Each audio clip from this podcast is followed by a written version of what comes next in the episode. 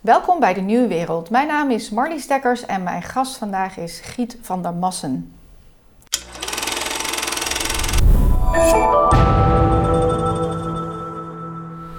Welkom. Dag Marlies. Ja.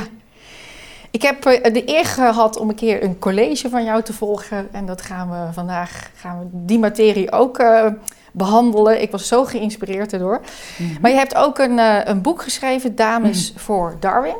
Mm -hmm. Ik denk ook voor mensen die geïnteresseerd raken. Het is wel net een ander onderwerp, maar toch heel mooi boek. Maar vandaag gaan we het specifiek hebben over mannen en vrouwen. Mijn boek gaat daar ook over, maar, ja, maar je gaat focussen op... Uh, we gaan focussen ja. op dit onderwerp. Ja. En dan specifiek, uh, ja, wanneer ervaar je dat je man, vrouw, man mm -hmm. bent of vrouw bent? De genderidentiteit. Genderidentiteit. Ja. Nou, Simone de Beauvoir, spreekt dat goed uit? De Beauvoir. Ja. Uh, je wordt niet als vrouw geboren, maar tot vrouw gemaakt. Nou, een bevrijdend idee. Mm -hmm. Destijds wel. Ja. ja, ja. Ik was daar ook fanatiek aanhanger van. Het was een heel belangrijk boek in die tijd, omdat uh, ja, mannen en vrouwen werden toen echt vastgepind op een soort van biologische essentie. Zeker voor vrouwen was dat heel beknellend, want er werd van hen verwacht dat zij gewoon zich zouden wijden aan wieg en haard. En als er dan zo een belangrijke filosoof komt zeggen van, ja nee kijk, het is vooral iets wat ons wordt aangeleerd of aangepraat, is dat een totaal andere kijk op, op uh, vrouwen en is dat, was dat heel, heel bevrijdend. Alleen is het daarna een beetje verkeerd gelopen als je dan gaat kijken hoe het feminisme zich ontwikkeld heeft vanuit dat idee dat mannelijkheid en vrouwelijkheid sociale constructies zijn. Um, Simone de Beauvoir was nog tamelijk biologisch geïnformeerd en biologisch gericht. Maar je ziet dan binnen het feministische denken toch dat men zich steeds verder verwijdert van, van het idee dat gender en genderidentiteit ook een biologische kern hebben. En dat men vooral gaat ja, focussen op het idee van, kijk, echt alles is een sociale constructie. Uh, zelfs het idee dat er iets bestaat als biologisch geslacht is een sociale constructie. Dus dat soort van heel extreem constructivistisch denken zien we vanaf de jaren, ja, eind jaren 90 eigenlijk opduiken. En vandaag heeft dat zich... Um, ja, zie je dat het eigenlijk een soort van overtrokken, echt een totaal wereldvreemd uh, van de pot gerukt denken is over gender. Daar gaan we zo op door. Maar Judith Butler, die zei natuurlijk in 1990 ook Gender Trouble. Dat was ook een heel belangrijk boek, dus misschien kan je daar nog wat over vertellen.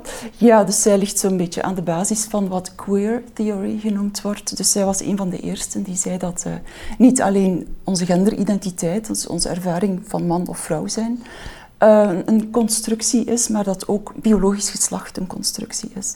En het idee was dat we dat moeten proberen deconstrueren omdat als je uitgaat van het idee van mannen en vrouwen, uh, twee geslachten, dat dat een zeer onderdrukkende fictie is ten opzichte van andere genderidentiteiten en andere groepen die historisch gemarginaliseerd zijn. Dus het is eigenlijk een heel politiek project, een, een, ideologisch project dat vooral probeert om alles wat wij associëren met normaliteit qua mannen en vrouwen, om dat af te breken en om in de plaats daarvan de stemmen van alle gemarginaliseerde genderidentiteiten centraal te stellen. Nu, op zich is dat wel een nobel project, maar ik denk dat je dat ook kunt doen zonder uh, afbreuk te doen aan wat we weten wetenschappelijk over genderidentiteit en over de oorzaken van typisch mannelijk en typisch vrouwelijk gedrag. Nou, ik ben, ik ben natuurlijk uh, zelf, uh, ja, ik ben 55, dus in de jaren 90 zeg maar, uh, was voor mij een hele belangrijke jaren. Dus dit resoneerde toen ook als ja, bevrijdend weg uit, dat, uit, het, mm. uit het keursnest. Uit, uit, uit het, ja. het was een, een, een, een hele vernieuwende gedachte. Ja, Alleen, ik, ik waar... heb dat ook gehad. Ja. Zo dat idee van gewoon, het was zo onconventioneel en het gaat in tegen de normaliteit. En, en het is revolutionair en dat dat, dat kan aanspreken. Ja. Maar de vraag is, klopt het ook? Dat ja, en ik... klopt het ook? En waar zijn we nu beland? Mm -hmm. um, want hoe, hoe, als we dus komen van de jaren negentig en dan, hoe is dat zo langzaam erin geslopen dat we dat dat, um, dat, die, dat, je geslacht zeg maar eigenlijk helemaal niet meer uh, je, je, identiteit bepaalt? -hmm. Hoe het precies komt, uh, daar zijn verschillende soorten hypothesen over, geopperd. Het heeft iets te maken in elk geval met... Het is een erfenis van het postmodernisme uit de jaren 60. Dus postmodernisme zei van ja, alle grote verhalen die wij construeren, religie, ideologie, uh, waarheid, dat zijn alleen maar machtsvertogen en we moeten daar komaf mee maken. En wat we vandaag zien is dat soort van denken eigenlijk um, nog altijd leeft, maar men probeert toch om dat politiek in te zetten. Dus men probeert om het soort het denken dat ja, alle vertogen, wetenschappelijke vertogen over gender en over geslacht, dus men beschouwt dat als uh, machtsvertogen en men wil dat ook opnieuw deconstrueren, maar vanuit een, een zeer grote maatschappelijke bewogenheid wel nog altijd. Dus het is iets dat in de academische wereld gegroeid is. Dus het postmodernisme was toch vooral een academisch gegeven. Maar dat onder meer door sociale media uh, doorgecijpeld is steeds meer naar de mainstream vandaag. Waardoor we vandaag toch in een politiek klimaat leven waarin veel mensen vinden, en terecht, dat er ideeën heersen waarvan zij geacht worden die te geloven over jongens en meisjes. Dus dat alles een sociale constructie is, dat biologisch geslacht er niet toe doet. Mensen voelen intuïtief, veel mensen, dat dat niet klopt, maar er begint een, een soort van verstikkend ideologisch klimaat te groeien waarin men dat niet meer durft zeggen. Omdat men bang is, um, bijvoorbeeld op sociale media, het slachtoffer te worden van lastercampagnes, of omdat men bang is om de kritiek te krijgen dat men transfoob is, bijvoorbeeld. Dus, ja, maar nu gaan we heel snel en, en, en we komen zeg maar van de ene wereld in de andere wereld. Want toch hm. even terug naar die eind jaren 80, begin jaren 90. Jij, jij komt uit uh, België, de buurt van Gent. Maar hier in Nederland hadden we de Roxy. We hadden de IT, dat zegt jou misschien niks. Nee. Maar dat waren discotheken waarin ja, wij vierden dat je ook ehm, eh, homoseksueel mocht zijn, dat je biseksueel hm. mocht zijn, dat je lesbisch mocht zijn. Heel hadden we, allerlei, ja, hadden we hm. allerlei leuke shows, performances, queer. Uh, uh, dat, dat, dat werd gevierd en dat mhm. werd ook echt ervaren als vrijheid. Ja. dus ik vind dat ook het begin van een, ja, van een, van een tijdperk. En nu zitten we dus in een hele ander, uh, hele ander uh, paradigma. Dus het is mm. even komende vanuit die, van dat bevrijdende gedachte. We zaten heel ver. Uh, als je gaat kijken, dus niet alleen de homorechtenbeweging, wat zij bewerkstelligd hebben, maar ook gewoon ja, het feminisme natuurlijk en de strijd voor vrouwenrechten. Alle burgerrechtenbewegingen die hebben enorm veel um, tot stand gebracht we zijn eigenlijk dankzij hen in een samenleving gekomen, rond de jaren 2000 denk ik, waarin je toch kon zeggen van kijk, gelijkheid voor mannen en vrouwen, eh, of voor vrouwen, gelijkheid voor homo's, we zijn echt heel ver. Uh, misschien zijn er niet meer zo'n heel grote problemen. Misschien zijn we bijna aan het eindstadium geraakt. Maar dat gaf een probleem voor mensen in de academische wereld, want dan is er niks meer om rond te, rond te werken. En dan is er voor activisten... ook, ja. Ja, maar dan, dan, is er voor activisten ook niks meer om voor te strijden. Dus dan, als alles opgelost is, heb je geen levensdoel meer. Dus dat is waarschijnlijk ook iets wat toen gebeurd is. Van kijk, um, iedereen moest vaststellen van... Ja, vrouwen hebben nu gelijke kansen vandaag, krijgen gelijke rechten. Maar men is toch op zoek geweest, gegaan naar andere vormen van onrecht. Vormen van onrecht die je niet ziet, maar die je wel kunt ontwaren als je woke bent, als je een woke-bril hanteert. En een woke-bril dus dat is, een, ja, iets wat ook een, een, soort van denken, een soort van ideologie die, die rond die tijd ontstaan is, of in elk geval ingang vond. Waarbij, dus woke betekent dat je wakker bent. Je bent wakker voor sociale onrechtvaardigheid. Maar je bent voor vooral, slachtoffers. Ja, voor slachtoffers. Je bent vooral uh, wakker voor het soort van sociale onrechtvaardigheid dat niemand ziet. Omdat iedereen denkt van eigenlijk is er geen onrechtvaardigheid. Dus men ziet vormen van slachtofferschap die de meeste mensen niet zien, die de meeste mensen ook niet zo ervaren, maar waarvan men vanuit het woke-denken zegt van kijk, het is er wel, maar het zit zodanig verweven in onze maatschappelijke structuur dat niemand het ziet, behalve wij. Nee, het is een soort geheim die... Ja, ja. Dus als je de juiste theoretische tools hebt, de, de, juiste kritische tools vanuit het postmodernisme onder meer, dan kan je die structuur van onrechtvaardigheid zien en kan je ze uh, ontmantelen. Kan je ook aan mensen die tot geprivilegeerde groepen behoren, kan je hen zeggen van kijk, let eens op jouw privilege, want jij beseft niet wat voor soorten van maatschappelijke onrechtvaardigheid er nog altijd heersen in onze maatschappij. En jij beseft het niet omdat je bijvoorbeeld wit bent of omdat je man bent. Dus omdat je tot een groep behoort die historisch altijd alle privileges gekregen heeft. En je hebt dat geïnternaliseerd, waardoor jij niet ziet hoeveel kansen jij krijgt die andere groepen niet krijgen.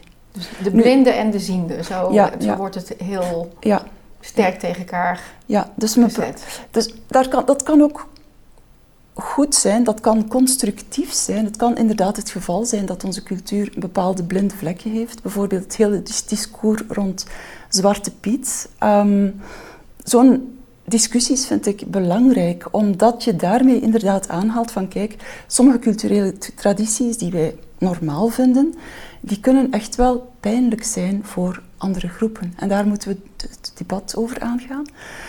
Maar het is gewoon geëscaleerd. Dus men, men, ziet nu, of men gaat op zoek naar vormen van structurele discriminatie en structurele onrechtvaardigheid, waar die er misschien helemaal niet zijn. En op een heel autoritaire manier. Want dat is ook typisch voor het geëscaleerde woke-denken, dat er maar één waarheid is. Dus er is één uh, correcte morele overtuiging. En wie daar niet aan conformeert, die is de vijand. Daar komt het zeker binnen het activistische kamp en op sociale media. Als je ziet hoe dat gevecht uitgevochten wordt, dan is het echt wij tegen zij. En ofwel ben je goed, ofwel ben je slecht. Dus en het, dialoog eh, is moeilijk aan te gaan? Er is amper sprake van dialoog en dat is wel heel jammer, omdat er soms wel, zoals ik zei, terechte pijnpunten worden aangekaart.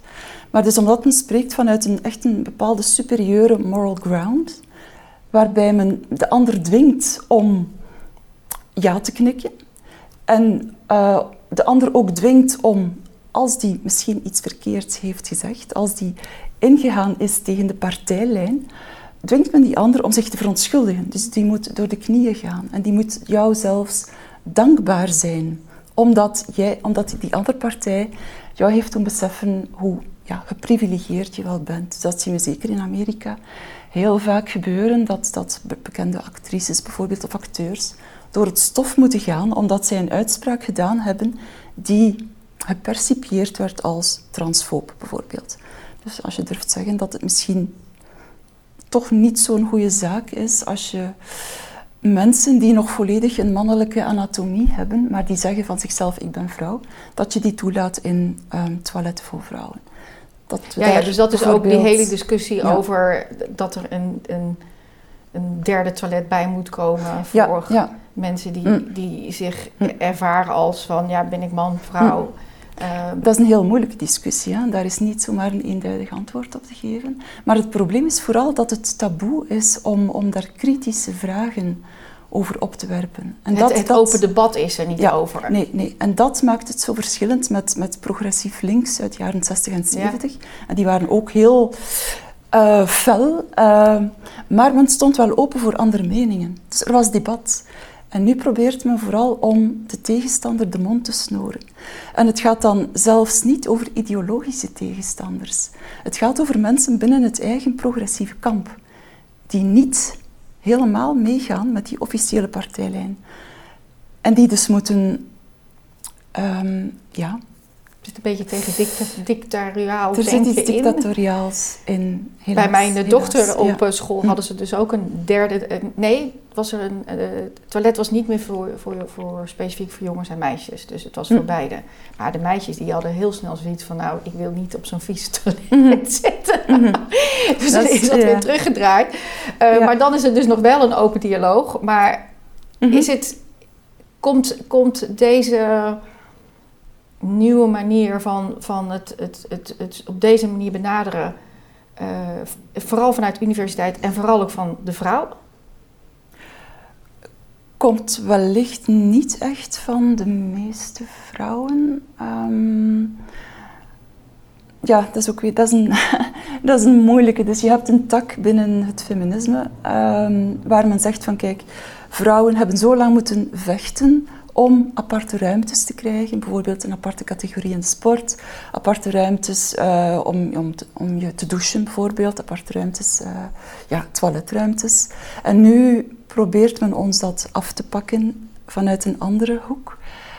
Um, dat is een heel ja, bits debat. Um, ik denk dat die radicaal feministische hoek ook niet goed bezig is ik denk dat je wel degelijk een rekening moet, houden ook met de noden van mensen die zich niet ehm, binnen hun eigen biologisch geslacht thuis voelen.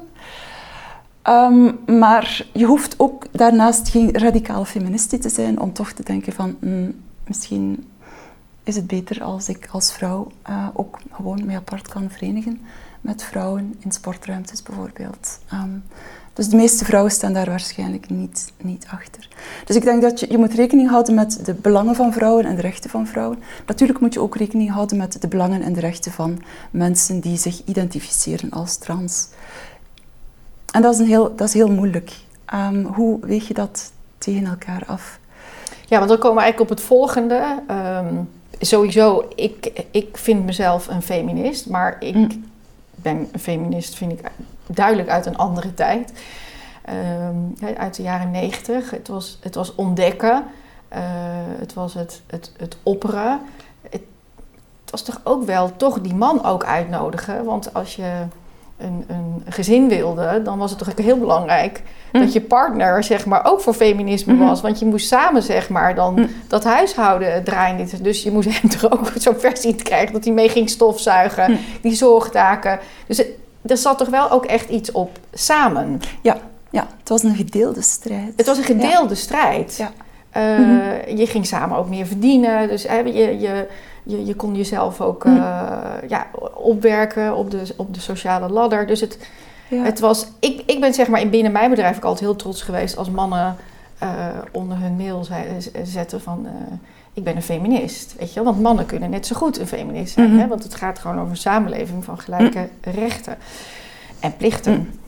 Maar nu specifiek ehm, over het gegeven van je bent jong en de discussie die nu, nu speelt is: ben ik nu een jongen of ben ik nu een meisje?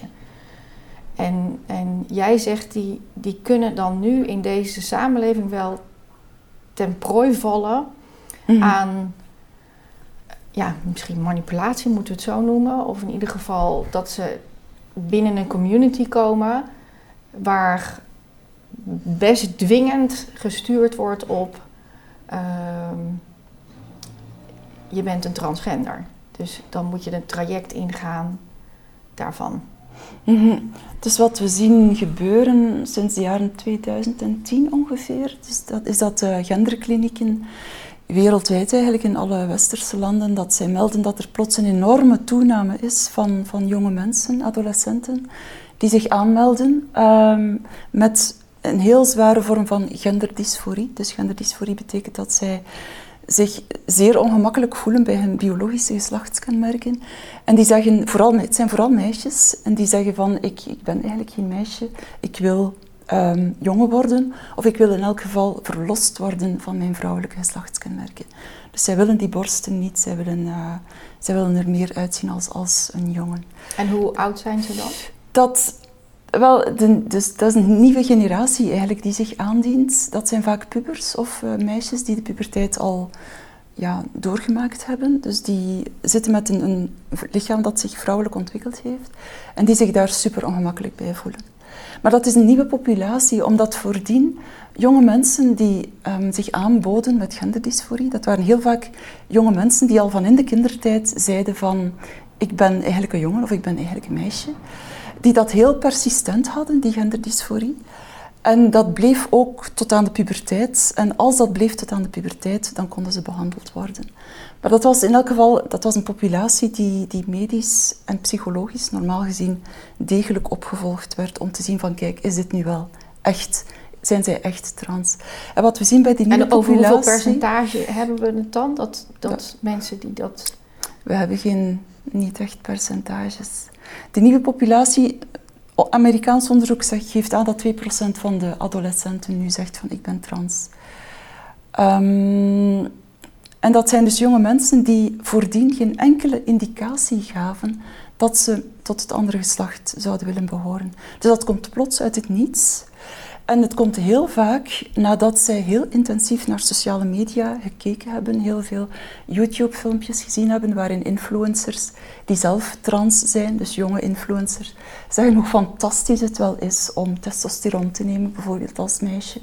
Dus hoe je daardoor verlost geraakt van jouw angsten. Nou, je voelt je veel beter in je vel. Enerzijds dat, en anderzijds zien we ook dat er veel sprake is van sociale besmetting. Dus dat veel van die adolescenten eigenlijk in een peer group zitten, of een vriendengroep, waarin de ene plots zegt van ik ben trans, en plots zeggen vijf andere meisjes ook ik ben trans. Dus er is sprake van een bepaald sociaal klimaat waarin dat aangemoedigd wordt, waarin dat ook een bepaalde vorm van, van status geeft. Um, en dat is problematisch omdat we ook weten dat veel van die adolescenten, die dus plots zeggen van ik ben trans, worstelen met andere mentale problemen. Dus heel vaak worstelen ze met depressie, met angst. Um, ongeveer 30% heeft een bepaalde mate van autisme-spectrumstoornis. Uh, veel hebben ook posttraumatisch stresssyndroom, dus ze hebben dingen meegemaakt in hun vroege leven, bijvoorbeeld seksueel misbruik. Um, waarvan zij blijkbaar hopen of waarvan zij aangepraat krijgen van kijk, dat komt eigenlijk omdat jouw brein niet strookt met jouw lichaam. Het komt eigenlijk omdat, jou, omdat je trans bent. En als je verandert van geslacht, zul je verlost geraken van jouw problemen. Enerzijds, maar het zal er ook voor zorgen dat jij veel meer maatschappelijke aanvaarding krijgt. Want stel, je bent een meisje dat gepest wordt op school omdat je gendernonconformistisch bent. Want veel, veel van die meisjes zijn lesbisch. En als je dan denkt van, kijk, ik word gepest omdat ik zo ja, meer ja, mannelijk ben. Stel dat ik van geslacht verander, ik word, een, ik word van, van meisje, word ik een jongen, dan ga ik niet meer gepest worden, want dan past mijn lichaam bij mijn gedrag. Dus dat zijn allemaal mogelijke psychologische routes die jongeren die worstelen met zichzelf afleggen en waar, die hen soms kunnen leiden tot het idee van kijk, ik ben trans. Als ik hormonen neem, dan word ik verlost van mijn problemen. Dan Als we toch weer even teruggaan naar, naar uh, de jaren 90, dus voor 2000 en dit een beetje ging escaleren. Toen was zeg maar de zoektocht erna, want ik bedoel, dat heb ik hm. zelf ook meegemaakt. Je, je speelde ermee, je ging je ging je kleden als een jongen. Eh, ik doe dat nog steeds uh, veel en graag. Vind ik leuk, weet je, om met die rollen te spelen. Het heeft iets hm. speels. Je neemt minder, uh, verschillende identiteiten aan. Ik hm. denk ook dat, dat ik in een groep zat dat we dat elkaar, dat we elkaar dat aanmoedigden. Heel veel van de jongens verkleden zich als drag. weet je wel, veel make-up. En dat, dat deden wij er dan deden wij er helemaal aankleden als een soort pop. Vonden we helemaal leuk hoe verschilt dat dan zeg maar met wat jij nu ziet? Is het dus is het ook doordat het nu echt mogelijk is om mhm. je. Uh, Ik mhm. doe toen moet David met kleding en make-up en je had nog iets speels en onschuldig. Maar nu zijn er natuurlijk echt middelen, hormonen. Je, kan je, je kan je laten opereren. Dus je, je mhm. er kan een soort definitieve verandering zijn. Ja, dat is, is natuurlijk dat grote, mhm. het grote verschil? Dus voor de jaren 2000 was het gewoon niet mogelijk. Endocrinologen waren daartegen gekant om uh, hormonen te geven aan, aan, aan jonge pubers of aan, aan kinderen voor de puberteit.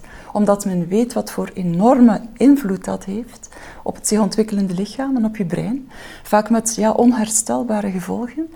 Maar dus sinds de jaren 2000 is men, men is trouwens hier in Nederland, uh, is men daar in, aan de Amsterdamse genderkliniek is men begonnen met het toedienen van puberteitsremmers aan jonge kinderen die worstelden met hun genderidentiteit.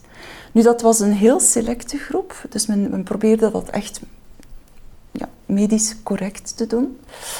Uh, maar het probleem is dat men die aanpak van kijk, we gaan puberteitsremmers geven of we gaan testosteron geven aan jonge adolescenten, men is dat gaan extrapoleren zonder al te veel kritische evaluatie wereldwijd naar andere genderklinieken. Um, dus misschien ook als een soort vooruitgangsdenken of bevrijdingsdenken, mhm. juist als soort mhm. van ja, als mijn kind dat wil, wie ben ik dan? Ja, want die adolescenten die, die hebben echt problemen, die voelen zich heel slecht. Dus die, die hebben echt problemen met wie ben ik? Uh, ben ik wel een meisje? En bijvoorbeeld bezorgde ouders, die willen natuurlijk niet dat hun kind afziet.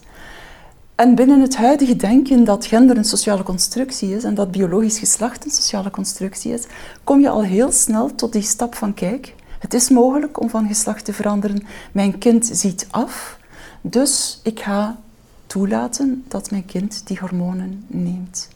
Dus dat is vanuit een heel goed bedoeld progressief denken. Uh, ook vanuit het idee van, goh, vroeger hebben we homo's zo lang uh, gediscrimineerd en gezegd van dat is ziek. En dat willen we niet meer doen en we willen niet diezelfde fout maken. Dus vandaag denken we, oké, dus als een kind zegt ik ben trans, gaan we dat meteen aanvaarden en erkennen en geven we dat alle middelen om zich te laten uh, ombouwen. is een beetje een, een, een, ja, een grove term, maar om, om transformatie, transformatie te, te, gaan naar het gewenste geslacht. Alleen weten we dat steeds meer van die jonge mensen vandaag spijt krijgen. Maar ze hebben dus een medische transitie ondergaan. Ze hebben testosteron genomen voor een paar jaar. Ze hebben soms hun borsten laten wegnemen. Dus zij blijven zitten met permanente gevolgen. Dus met een permanent vermannelijkt uiterlijk bijvoorbeeld. Zij blijven zitten met baardgroei als jonge vrouw. Hun borsten zijn weg, soms hebben ze hun baarmoeder laten wegnemen. Dus zij blijven zitten met, met gevolgen voor de rest van hun leven.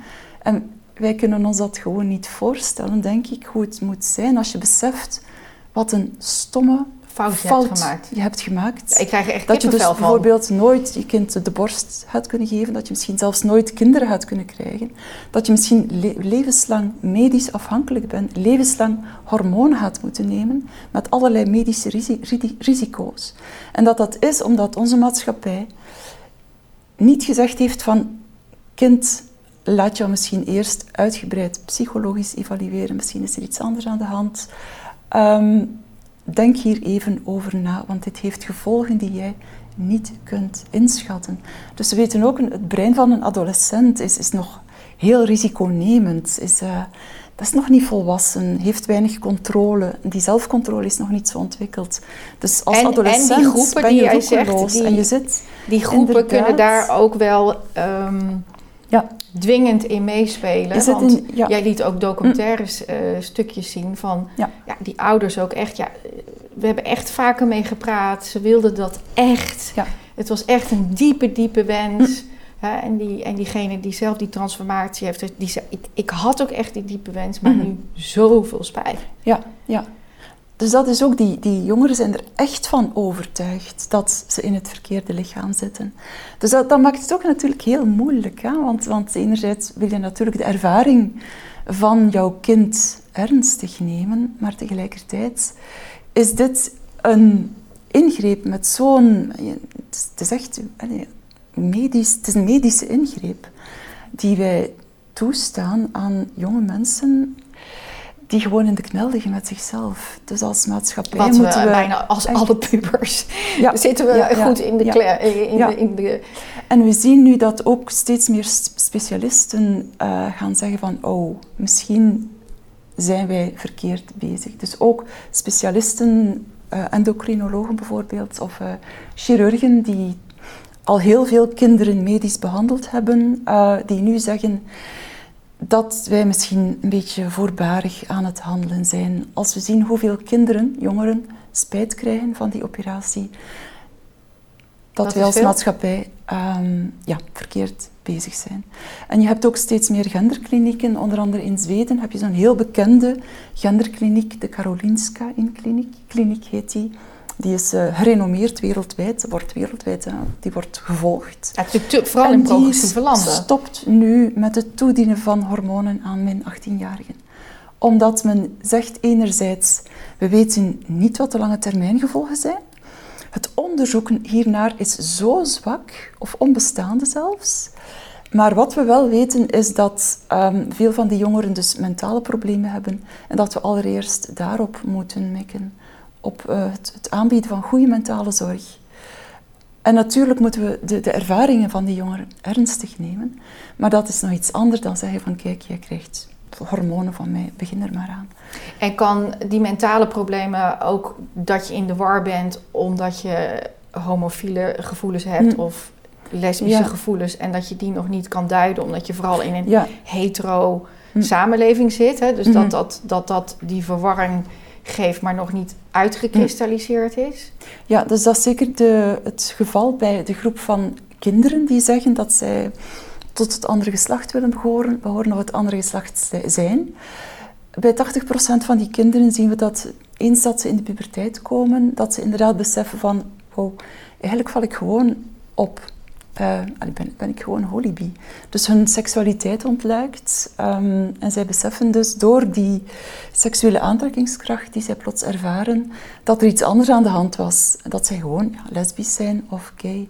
En zij verzoenen zich daardoor spontaan met hun eigen lichaam. En ook bij de kinderen die als adolescent dan plots zeggen van ik ben, um, ja, ik ben trans. Daarvan zijn ook, is ook een groot percentage ofwel lesbisch, ofwel zijn ze gewoon enorm gendernonconform. Um, en als je dan bijvoorbeeld ook een beetje autistische trekken hebt, dan is het risico al veel groter dat je gaat denken van ik zal dan wel een jongen zijn. En dat, zeker in een maatschappelijk klimaat, dat jou vertelt van als kind of als jongere kan je kiezen om van geslacht te veranderen. Dat is allemaal geen probleem, geeft geen risico's, dus uh, doe maar en je gaat je zoveel beter voelen.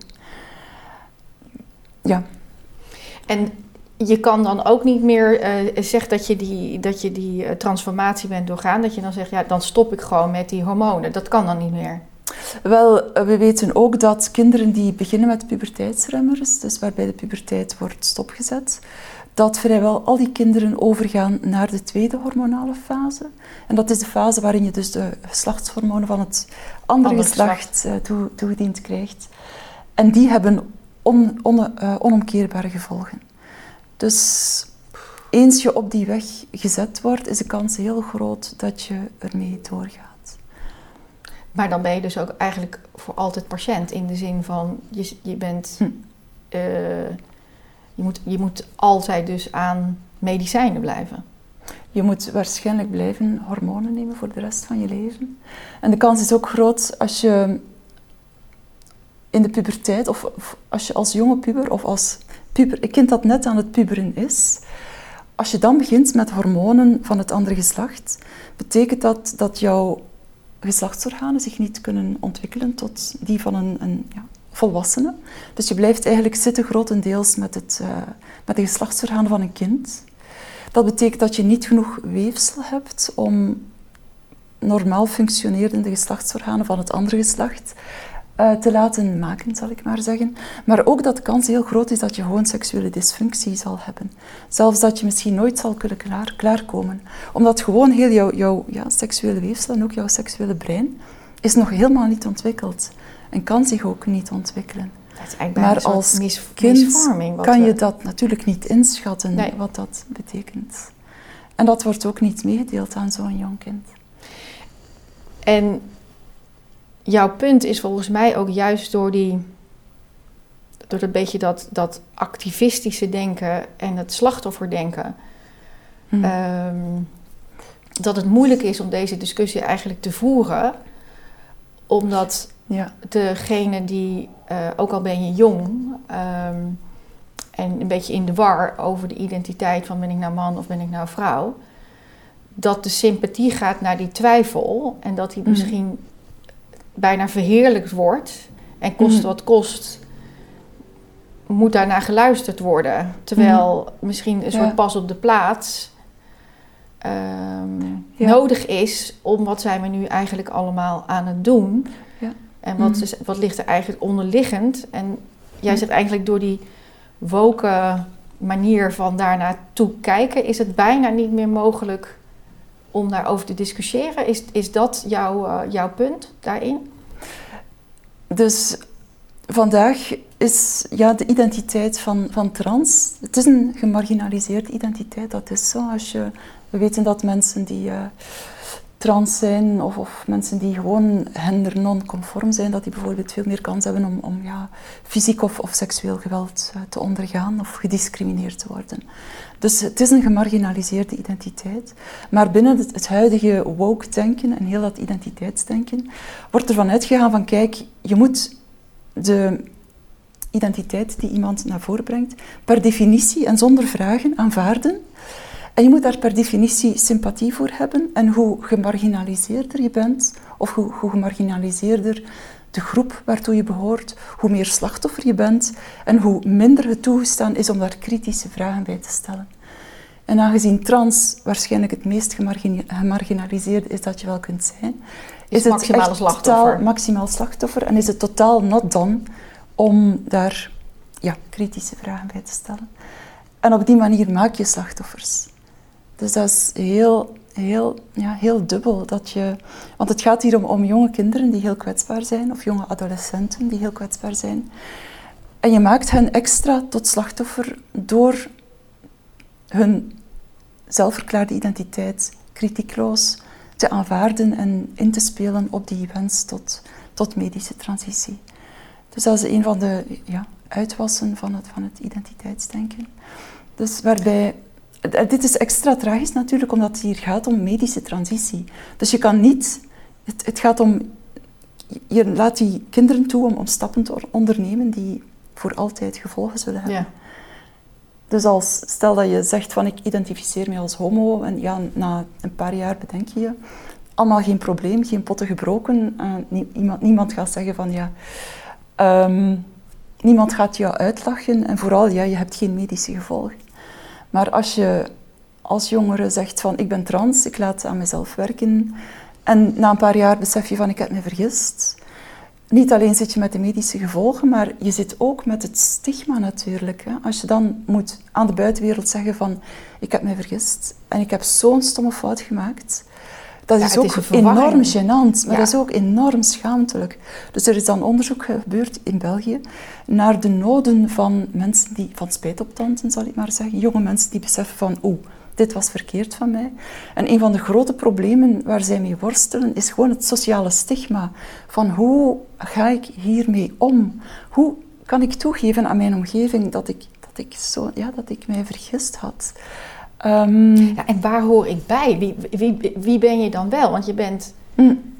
je bent geen jongen, je bent geen meisje meer. En, en je, wil het, mm. je wil weer terug naar je, de identiteit waar je was, maar dat, dat, daar kan je niet meer naar terug. Dat, dat, is, dat lijkt me gewoon uberverwarrend.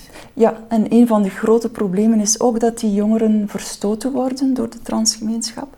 Dus heel hun, de gemeenschap die hen voordien met open armen ontving als een nieuw lid, uh, ze worden vaak gewoon ja, verstoten omdat zij zogezegd een verrader zijn. Dus zij laten heel hun, hun sociale gemeenschap achter zich. En ze merken ook vaak dat ze niet meer terecht kunnen bij de medici die hen begeleid hebben. Ik heb het nu wel over internationaal onderzoek hierbij, niet, niet noodzakelijk over België of Nederland. Maar um, ja, ze, ze, vinden het heel moeilijk om, om medische hulp te vinden en ze vinden het heel moeilijk om mentale hulp te vinden omdat veel van die hulpverleners hen zeggen van nee, je vergist je waarschijnlijk, je bent wel trans. Maar jij wilt terug in detransitie omdat je sociaal niet aanvaard wordt in jouw transidentiteit. Dus vanuit de, de medische wereld wordt vaak gepoogd om hen te bevestigen in hun idee dat ze in toch een nieuwe identiteit ja, zijn. Dus ze worden niet ernstig genomen in de wens om in detransitie te gaan. Dus dat moet allemaal enorm, enorm verwarrend zijn en, en traumatiserend op, op zijn beurt eigenlijk. Dus er is veel meer onderzoek nodig naar de noden van spijtoptanten en ook naar, naar mentale zorg voor, uh, voor, die, voor die jongeren. En, een, en ik denk ook een, een, een open debat. En absoluut. Ik denk dat dat toch ook iets heel belangrijks is van mm komende vanuit de jaren negentig en het mhm. bevrijdende idee, maar dat we daar nu misschien toch wel. Een beetje in doorgeslagen zijn. Hm. En dat we dat ook moeten realiseren van, we gunnen volgens mij vanuit vrijheidsdenken, je gunt ieder zijn identiteit die hij ervaart, maar dat dat toch wel ook heel slecht kan uitpakken. Ja, Nu, vanuit uh, de medische wereld of vanuit de progressieve hoek is daar dan ook weer weerstand tegen of, of, angst voor, omdat men vreest dat dit gaat inspelen op de kaart van, in de kaart van extreem rechts. Dus als blijkt dat, dat sommige jongeren die, zeggen, die eerst zeiden van ik ben trans, en dat dan blijkt van dat ze helemaal niet trans zijn, dat je dus daarmee munitie geeft aan extreem rechts om te zeggen van zie je wel heel die trans... Uh, dat transgedoe, uh, dat is allemaal onzin. Dat vond ik al. Voilà, voilà. Dus, uh, Gewoon een man man. Ja, ja. Maar we zitten volgens mij sowieso daar in een hele verwarrende tijd. Hè? Dus dat ook veel mannen ja, hebben het denk ik toch gewoon wel moeilijk om zich te herkennen in, een, in deze samenleving. Waar ze toch heel vaak um, ja, op de korrel genomen worden, ja, ik het zo zeggen. Ja, dus ook een uitwas van dat uh, identiteitsdenken, hè, dat mannelijkheid heel zwaar gedemoniseerd wordt. Als je op uh, internet, op Google, afbeeldingen zoekt gewoon van masculinity, dan ongeveer de eerste honderd die je krijgt, zijn allemaal afbeeldingen van toxic. Masculinity. Dus mannelijkheid, dus mannelijkheid is toxisch. Dat wordt daar automatisch mee geassocieerd. Dus als je als jongen of als man die boodschap krijgt, maatschappelijk, dat moet heel frustrerend zijn. En, en, en ja, waar sta je dan als man? Wat, wat, wat moet je daarmee? Je kan je niet eens verdedigen als je per definitie al afgerekend wordt op je mannelijkheid. Ehm, dus we zijn als maatschappij denk ik absoluut niet goed bezig. Nee. Het tijd voor niemand. Ook niet voor vrouwen, niet voor mannen, niet voor transpersonen. Want, want je hebt natuurlijk ook binnen de transgemeenschap heel veel heel nuchtere stemmen. Die zelf ook vinden van al dat activistisch gedoe dat hoeft niet. Zij willen gewoon aanvaard worden, gelijke rechten krijgen. Meer hoeft dat niet te zijn. Maar, maar het zijn eigenlijk de extreme stemmen die het, die het voor iedereen verpesten. Zowel voor nuchtere transpersonen als voor mannen. Maar waarom zijn ze zo machtig of waarom hebben ze zo'n belangrijke stem? Waarom, waarom resoneert het zo? Sociale media spelen daar natuurlijk een heel grote rol in. Dus En toch een, een, een, agressieve toon of een hele fanatieke, fanatiekheid daarin. Dus extreme... En inspelen op, op vooroordelen die, die, die pijn doen. Die... Ja, schuldgevoelens aanpraten, schuld, inspelen op schuldcomplexen. Uh, zoals hoe wij maatschappelijk lang zijn omgegaan met homoseksualiteit. Daar wordt ook op ingespeeld. Hè. Dus we willen dat geen tweede keer. Um, en natuurlijk ja, de extreme stemmen die, die roepen het luidst. En ze zijn vanuit de academische wereld ook doorgestroomd in, in ja, het bredere maatschappelijke veld. Binnen Verbaal natuurlijk goed, goed onderlegd, uh, veel kennis op het... Uh... Ja, Ze worden ook wel goed financieel gesteund, want als je gaat kijken, gewoon heel de, de, het gebeuren van een operatie ondergaan, van man naar vrouw of van vrouw naar man, dat is een goudmijn voor alle medici die daarbij betrokken zijn. Zeker voor mensen die hormonen verkopen bijvoorbeeld. Je maakt dus mensen heel cynisch van een. Dat is voor een stuk heel cynisch, dus daar is enorm veel geld mee, mee gemoeid. En zeker als je gaat kijken naar privéklinieken, nou, die, die, die kunnen daar enorm veel munt uitslaan. Waarom zouden ze het niet doen?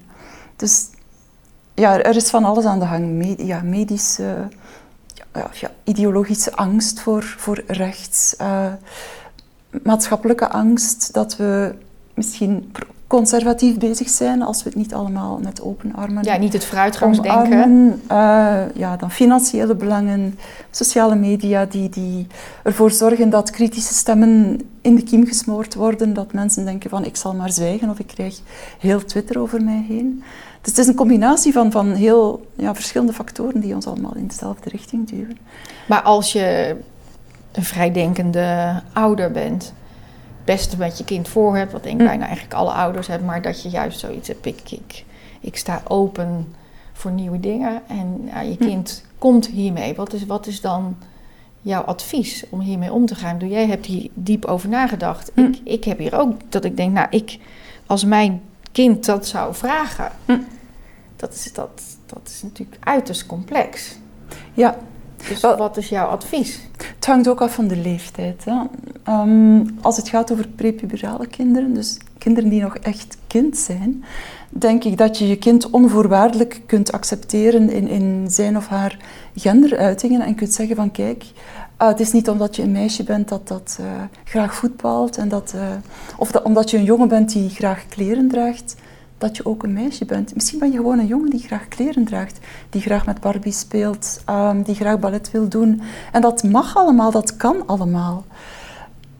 Mm, dus dat je als ouder, en ook als maatschappij trouwens, dat wij alle gender-nonconforme uitingen bij kinderen onvoorwaardelijk accepteren, zonder daaraan de boodschap te koppelen of te bekrachtigen dat ze dus wel trans zullen zijn. Dat is een stap te ver. Je kunt je, dus je, kind, je kunt gendernonconformisme helemaal omarmen, maar gewoon zeggen van, je bent gewoon een kindje dat gendernonconform is. Dat kan je ook doen bij een adolescent natuurlijk. Maar als, je wat, als je wat ouder bent en je hebt het gevoel, ja, maar ik zit toch echt in het verkeerde lichaam, hm. is het dan niet te laat? Of hoe kan het dan nog?